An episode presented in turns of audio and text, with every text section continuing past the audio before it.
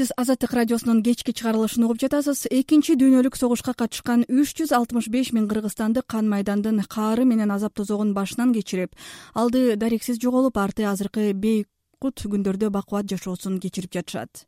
Бүгүнкү апта темасын азаттык дал ушул согуш каармандарына арнап уруштар туулаган миң түркүн тагдырлардын айрымдары тууралуу сөз кылмакчы алгач турманбет эргешбаевдин тагдырынан баштасак экинчи дүйнөлүк согушта эрдиктерди көрсөтүп жүрүп туткунга түшүп акталып бирок өмүр бою туткун деген сөзгө басынып өткөн турманбет эргешбаев кырчындай курагында өз каалоосу менен майданга аттанган кыргыз жарандарынын бири.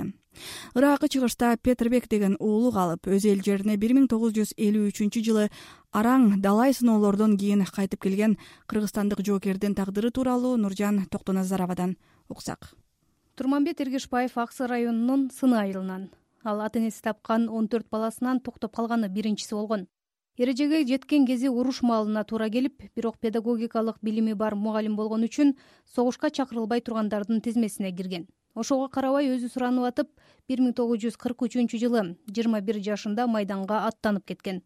Урушта генерал маршал константин рокоссовский жетектеген украина белоруссия фронтуна кирип беш жолу кандуу салгачтарга катышкан анда көрсөткөн эрдиктери үчүн эки ирет кызыл жылдыз ордени жана үчүнчү даражадагы даңк ордени менен сыйланган асанбек эргешбаев тууганы турманбеттин согуш маалындагы бир окуясын эскерди. Бир кызыктуу окуясын айтып берди эле бабам мынтыгында ок калбаган экен. Бир эки немис келе атса коркпостон эле ок жок болсо дагы алдынан чыга калып кандайкы октоп коркутуп эки пленга түшүргөн экен. Каршылык көргөзүп атып койсо атып деле коймок экен. Колго түшүрүп алып келип ошондо үчүнчү даражадагы даңк медалы менен сыйланган экен. Тагдырдын тамашасына айла жок. Турманбет өзү да немистерге туткунга бир миң тогуз жүз кырк үчүнчү жылдын этегинде орусиянын батышындагы урушта түшүп калган экен. Ошол азаптуу туткундун купуя сырын уккан биринекин жакындарынын бири жогоруда биз кепке тарткан асанбек эргешбаев болуптур согушта көргөн азап тозокторду көрсөң тарых тарых. Андан эми ит деле көрбөсүн деп коебуз да. Эми айтып отурса бир жомок сыяктуу сезилчү эле бизге. Алдына бир картаны коюп алып мына эмнеден чыкканмын эмнеге барганмын могул жерден канча деген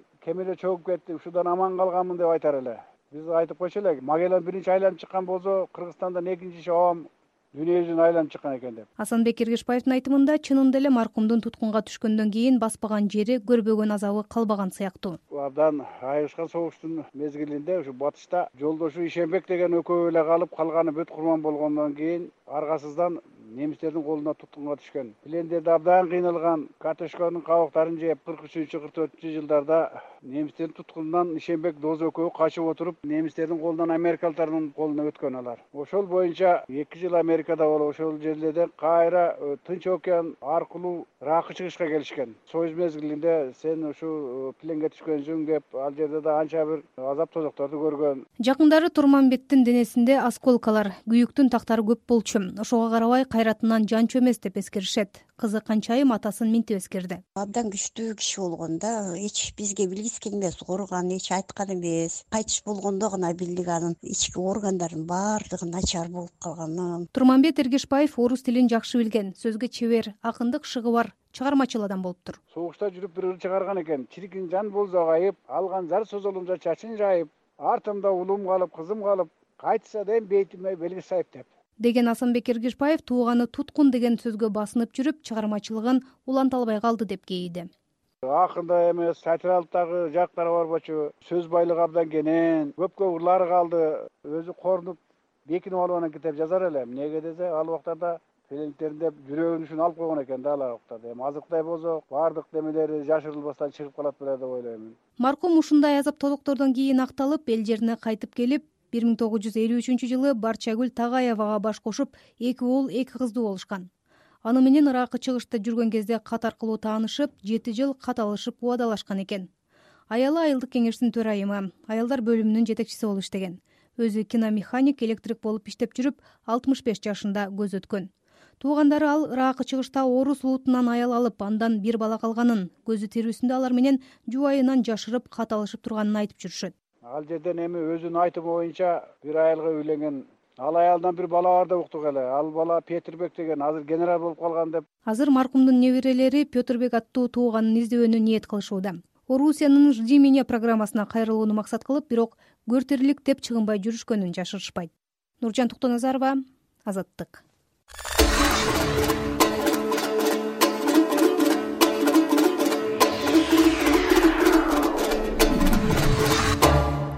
экинчи дүйнөлүк согуштун ардагерлерине арналган апта темасын улантабыз. Он беш жашында айылдагы акчалуу үй бүлөнүн баласынын ордуна он сегиз жашка чыкты делинип согушка чакыртылган жумабай мамытов азыр сексен сегиз жашта.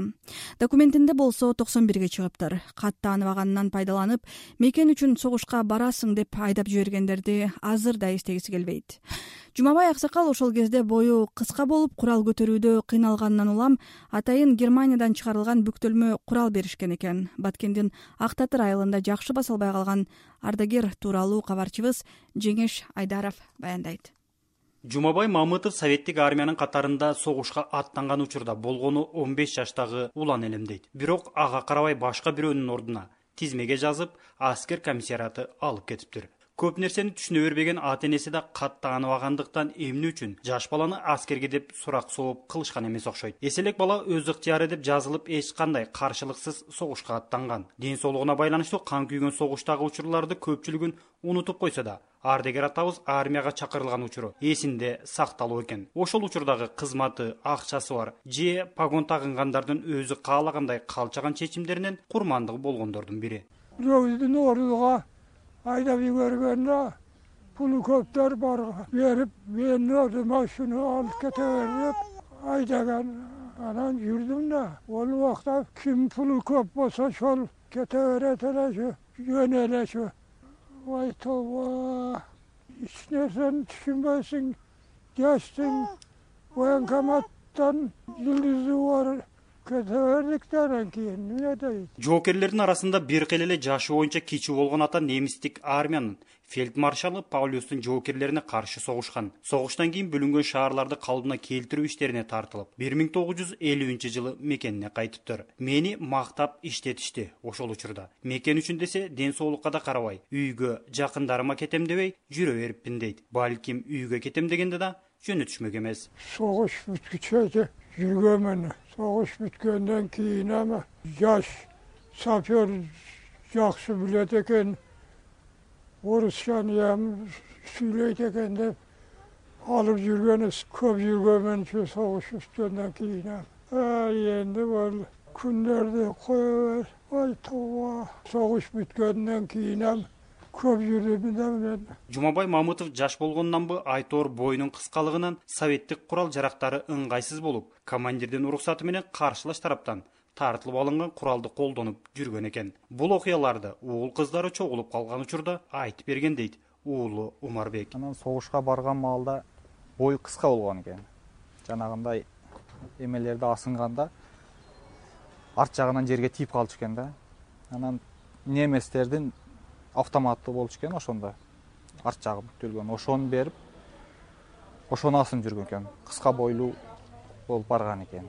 Үч жылга жашы чоңойтулуп аскерге барган жумабай мамытов аксакал кимдир бирөөлөрдүн ушундай мыйзамсыз аракет жасаганы согушка жашы жетпей туруп айдап жиберишкенин ачык деле айткан эмес экен. Балким андай десе дароо мекенге чыккынчылык же дагы бир шылтоо менен куугунтуктан да чочулагандыр согуш талаасында жарадар болуп госпиталдан сакайып чыккан. Бирок өз алдынча баса албай калганга чейин бутуна ок тийгенин айткан эмес дейт. Кызы инабат эже бутумдан ок жегенди силерге айтпай жүрөт элем деп мына былтыр мага көрсөттү да ошол бутунун ок жеген жеринечи тиземден ок жеп госпиталга жатып анан жакшы болуп келгенмин деп атам былтыры бизге айтты эч айтпайт эле. Баткен облусунан ата мекенин коргоого жыйырма эки миң жоокер аттанып он төрт миңи кайра кайткан эмес. Учурда согуштун катышуучуларынын отуз эки киши калган. Жеңиш айдаров азаттык баткен.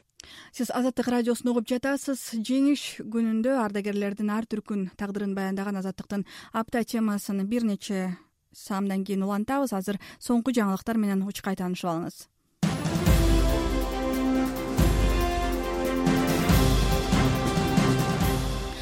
палестина автономиясынын лидери махмуд аббас акш президентинин камкордугу астында израиль премьер министри бинямин нетаньяхуга жолугушууга даярдыгын билдирди. Бишкек милициясы кафеде ок атылганы боюнча окуяны териштирүүдө шаардык ички иштер башкармалыгынан маалым болгондой окуя тогузунчу майга караган түнү рыскулов жана исанов көчөлөрүнүн кесилишиндеги кафеде болгон оор жарат алгандар жок. Өзбекстанда акыркы айда отуздан ашуун атка минер жумуштан бошотулду. Бул тууралуу өкмөттөгү виртуалдуу кабылдама үчүн жооптуу чиновниктердин бири билдирди. Өзгөн районундагы жер көчкүдөн жана чоң алайдагы жер титирөөдөн жабыркагандарга акчалай жардам берүү максатында кызыл чырым уюму атайын өнөктөштүк уюштурууда. Берүүбүздү улантабыз студияда элиза кененбаева. Экинчи дүйнөлүк согуштун аякташынын жетимиш эки жылдыгы белгиленип жатат. Согушка катышкан ар бир адам бул күндү өзгөчө сезим менен тосот ар башкача эскерет.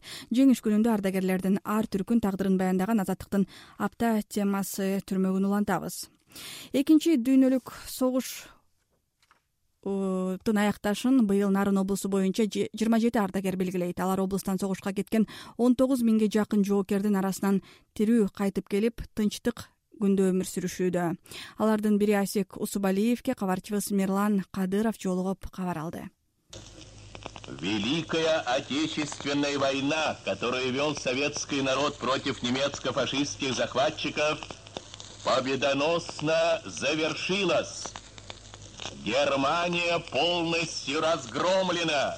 Поздравляю вас с победоносным завершением великой отечественной войны. Советтик даңазалуу диктор. Левитандын тогузунчу май күнкү улуу жеңиши тууралуу бул жарыясын анда нарындык жаш жоокер асек усубалиев харьковдо госпиталда жатып уккан экен ошол кездеги кубанычы азыр да күнү бүгүнкүдөй эсинде. Э баягы харьковго алып келди. Ошону менен согушту харьковдон укук бүт элек деп бүттү эсак деп жүрүп атат анан левитан ыйлап чыкты.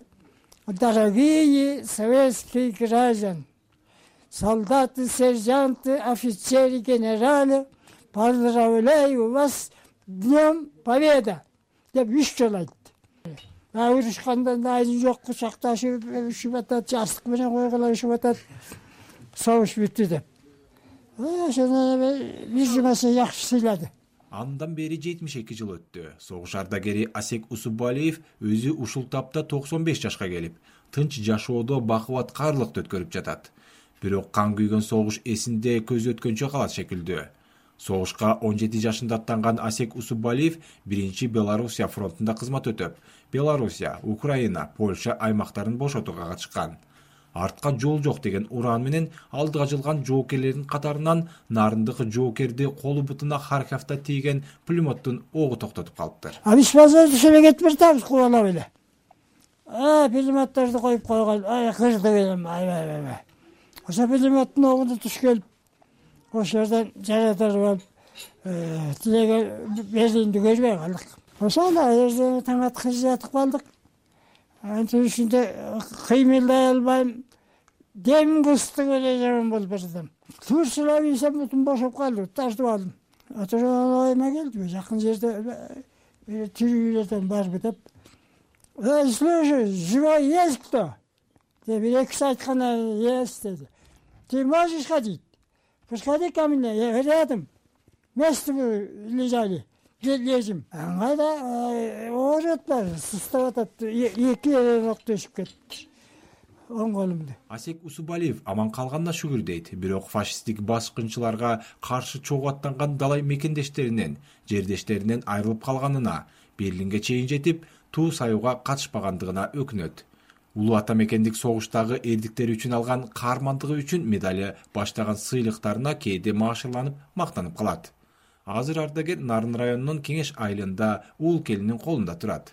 Башынан бекер отура албаган асек атанын азыр да баскан турганы тың акылы тунукпойдон экен.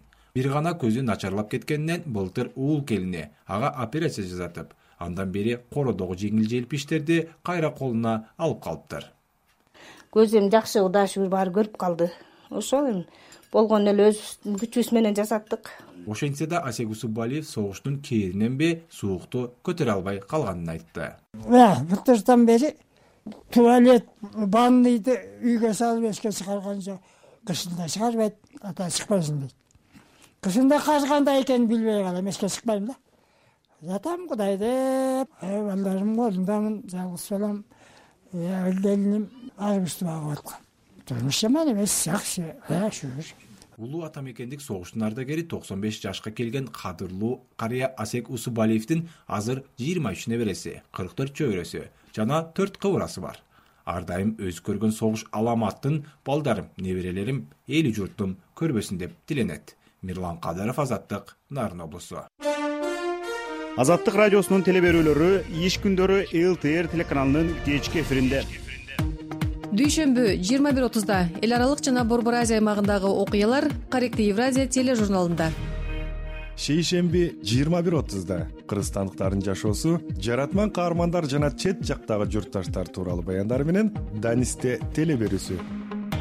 Шаршемби жыйырма нөл нөлдө өлкөдөгү олуттуу темаларга иликтөөлөр курч талкуулар ыңгайсыз суроолор теле долбоорунда ар бейшембиде кечки тогуз жарымда дүйнөлүк окуялар көйгөйлөр тенденциялар жана алардын кыргызстанга таасирин биз жана дүйнө теле берүүсүндө талдайбыз. Жума күнү жыйырма бир отузда жаштар үнү багыты жана жашоосу азаттык плюс командасынын тв долбоорунда. Күн сайын лтр телеканалы аркылуу кечки эфирден азаттыктын берүүлөрүн калтырбай көрүп туруңуз азаттык радиосу башкалар айтпаганды биз айтабыз экинчи дүйнөлүк согуш каармандарына арнаган азаттыктын апта темасын улантабыз. Бир миң тогуз жүз кырк экинчи жылдын орто ченинен баштап ссср жогорку кеңештин чечими менен өндүрүштө иштеген эң керектүү адистер илим адабият маданият тармагынын айрым кызматкерлери согуштан бошотулган. Согуштан бошотулган кыргызстандыктардын арасында колхоздордо иштеген адистер койчулар жылкычылар окумуштуулар жана маданият кызматкерлери болгон. Кан күйгөн согушта оорук түйшүгүн көтөрүү да жеңил болгон эмес. Ошол эле учурда айрым изилдөөчүлөр согуштан тизмесине байланыштуу да талаш тартыштар бар экенин айтып келатышат. Бул багытта темага кабарчыбыз зайырбек ажыматов кызыкты менин атам абдыралиев шайлыбек өзүмдүн атым. Атамдын аты болсо турдубаев абдыралы. Тогуз туроо районундагы киров колхозунда чабан болуп ошол согуштун убагында армияга жөнөйм десе болбой колхозго да киши керек чабанга да киши керек деп балалыгы согуш жылдарына туш болгон абдыралиев ошол мезгилде атасы отуз жаштын тегерегинде күчкө толуп турган жигит болсо да колхоз согушка жөнөтпөй калганын кеп салып берди. Ал ошол убакта болсо баягы согуштун кесепетинен согуштан качкандар бир ууру Э, ачка ачкычылыкка кабылгандар бир ууру болуп эң баштары көп убакта ошол колхоздун малын сактап алдырбай ошол ууруларга алдырбай план тапшырмасын аткарып жүргөн экен да. Ошентип абдыралы турдубаев бир миң тогуз жүз отуз тогузунчу жылдан бир миң тогуз жүз кырк тогузунчу жылга чейин коммунисттик партиянын тапшырмасы менен согуштан калып колхоздун коюн баккан ооруктун ардагерлери согуш жаңы башталган учурда аскерге жарамдуулардын баары тегиз согушка жөнөтүлсө кийинчерээк колхоз жумушуна зарыл болгон кээ бир адистер башкармалар бирин сериндеп согуштан калтырыла баштаганын айтышат айрымдары өз мекенинде туруп эле аскердик кызмат өтөөгө чегерилген экен. Мисалы кыргызстан аксакалдар кеңешинин төрагасы өмүрбек үмөталиев өзүнүн атасы зайнидин үмөталиев оорукта кызыл армиянын атчан аскерлеринин жылкыларын даярдоо милдетин алганын айтат. Өзүмдүн атам ошо согуш учурунда ошо бронь алып жылкы багып согушка кавалерияны дайындаган. Ленин орденин алган ошо. Полностью ошо кавалерияга иштеген да бул киши. Жылкы багып ленин ордени. Биринчи ошол менин атам алган. Үмөталиев ошол жылдары өзүнүн атасы сыяктуу жылкычылар баккан жыйырма миңдей күлүктөр бир миң тогуз жүз кырк экинчи бир миң тогуз жүз кырк үчүнчү жылдарда вагондорго жүктөлүп батышты көздөй сапар алганын кошумчалады аскер ардагери болоткан батырхановдун айтымында ал кезде кайсы бир адисти согуштан алып калуу өтө жоопкерчиликтүү чечим болгон. Ал жердеги конечно ал жанагы верховный главнокомандующий ошол кишинин приказы менен жанагы эң керектүү оборонный промышленностьта иштеген кишилерге бронь берген ученыйларга бронь берген атактуу атактуу жанагы маданият кызматкерлерине бронь берген ал калгандардын баары армияга чакырылган кандай болсо дагы. Батырканов мындай жеңилдик берүү өтө тыкыр изилденип адилеттик менен берилгенин кыстарды анткени менен адабиятчы самсак станалиевдин пикиринде акын жазуучулар арасында согуштан бошотуу боюнча чыккан чечим тууралуу азыр да талаш тартыш уланып келет. Буга ошол убакта жеңилдик берүү жарлыгы тымызын чыгып жашыруун аткарылганы себепчи. Анан ушу кырк экинчи жылдын кайсы бир айында бронь чыгып калат да ага чейинки мукайлар брону жок кесип алган анан бронь чыккандан кийин жанакы жусуп жазбайт айрыкча мукай көп жазат да алга каттардычы. Ошо бронь чыкты мага бериңиз тигиндей мындай деп ошентет ушул маалыматтарга караганда немеде кырк экинчи жылы болгон да. Мисалы үчүн жоомарт бөкөнбаев ташкентке үч жолу барып алга алды токтомушев калды саткын сасыкбаев калды. Булар бронь менен калгандар. Станалиев өзү учурда бул теманы дагы да тереңден изилдеп жатканын кыстарды кезинде кыргызстандык ар кыл кесиптеги уландар менен бирге ондогон акын жазуучулар музыканттар окумуштуулар да өз ыктыяры менен майданга аттанып алардын бир тобу кайра кайтпай калган. Учурунда берилген бронду четке каккан өнөр адамдары да болгон. Мисалы кыргыз улуттук драма театрынын түптөлүшүнө салым кошкон артист көпбай күмүшалиев согуштан бошотулганына карабай аскерге аттанып кызмат өтөп келген. Зайырбек ажыматов азаттык бишкек азаттык радиосун ысык көлдүн күнгөйүндө fm жүз алты төрт жана көлдүн тескейинде fm жүз бир сегиз жыштыгында артек радиосу аркылуу тыңдаңыз бизди артек толкун аркылуу күн сайын таңкы саат жетиден сегиз отузга чейин түштөн кийин саат он бештен он беш отузга чейин уга аласыз. Демек азаттык ысык көлдүн күнгөйүндө fm жүз алты төрт жана көлдүн тескейинде fm жүз бир жана сегиз жыштыгында. Дүйнөдө болуп жаткан эң соңку окуялардын өнүгүүсү азаттык толкунунда апта темасын улантабыз. Экинчи дүйнөлүк согушка катышкан үч жүз алтымыш беш миң кыргызстандык кан майдандын каары менен азап тозогун башынан кечирип алды. Дарексиз жоголуп арты азыркы бейкут күндөрдү бакубат жашоосун кечирип жатышат. Алардын бири чүйдүн ысык ата районундагы өтөгөн айылынын тургуну токсон сегиз жаштагы ардагер мураталы буудайчиев ал улуу ата мекендик согушка катышып керек болсо туткунга да түшкөн. Ардагер тууралуу жана анын сексен үч жаштагы ушул күнгө чейин машина айдап жүргөн кемпири курманбүбү буудайчиева тууралуу кабарчыбыз айгерим акылбекова баяндайт. Келе таякты мага берчи мындай? Болду. Сексен үч жаштагы курманбүбү буудайчиева адаттагыдай абышкасын неберелерин темир тулпарына салып алып айылга жөнөдү отуз жылдык айдоочулук тажрыйбасы бар чоң эне бир учурдагы жигулисин азыр эми заманбап жол тандабаска алмаштырган руль башкарган курманбүбү апаны көргөндөр алгач жашым сексен үчтө десе ишене бербейт будайчиевдердин үй бүлөсү шумахер апа менен гана айырмаланбайт. Кемпиринин жанында ишенимдүү турган мураталы абышка согуштун. Кайниси касымалы ооруктун ардагери. Кыркынчы жылдарда кичинекей чоңоюп калган адам болчумун. Анан ошого караштаа бизди дагы аскерге алган. Тээги германияда ырак жака барып бир ай э, бир айдан ашык ошо кармашып жүрүп ошондон аман эсен кайта келгенбиз бир топ кишилерибиз калган. Анан ошондо дагы аман калдык. Токсон сегиз жашка келген мураталы будайчиевдин көнүгүү жасап машыкпай калганына аз эле болуптур болбосо согушта туткунга түшүп аюусуз кыйноолорду баштан өткөргөн ардагер күнүнө он эле турниктти ойноп деле тартынчу дейт байбичеси турникти таштаганына бир үч жылдай болуп калды. Турник тартынчуда быйыл үч жыл болуп калды. Тартына албай калды. Же болбосо турникке тартынып могу тоого экөөбүз чыгып барып келчүбүз. Мына эле тоонун башына чейин. Анан азыр эми эки жыл быйыл эки жыл болуп калды го тоого чыга албай калдык. Эми машина менен жүрөбүз. Бир тууган ардагерлер кан күйгөн согуш талаасын көп деле эскергилери келишпейт. Негизги тилегибиз тынчтык дейт касымалы будайчиев. Эптеп экинчи уруш болбосун жаштар аман болсун тынччылык болуп эле токчулук болуп бирин бирин сыйлаган адамдар болсун эми. Эмне кылабыз? Жаштар аман болсун.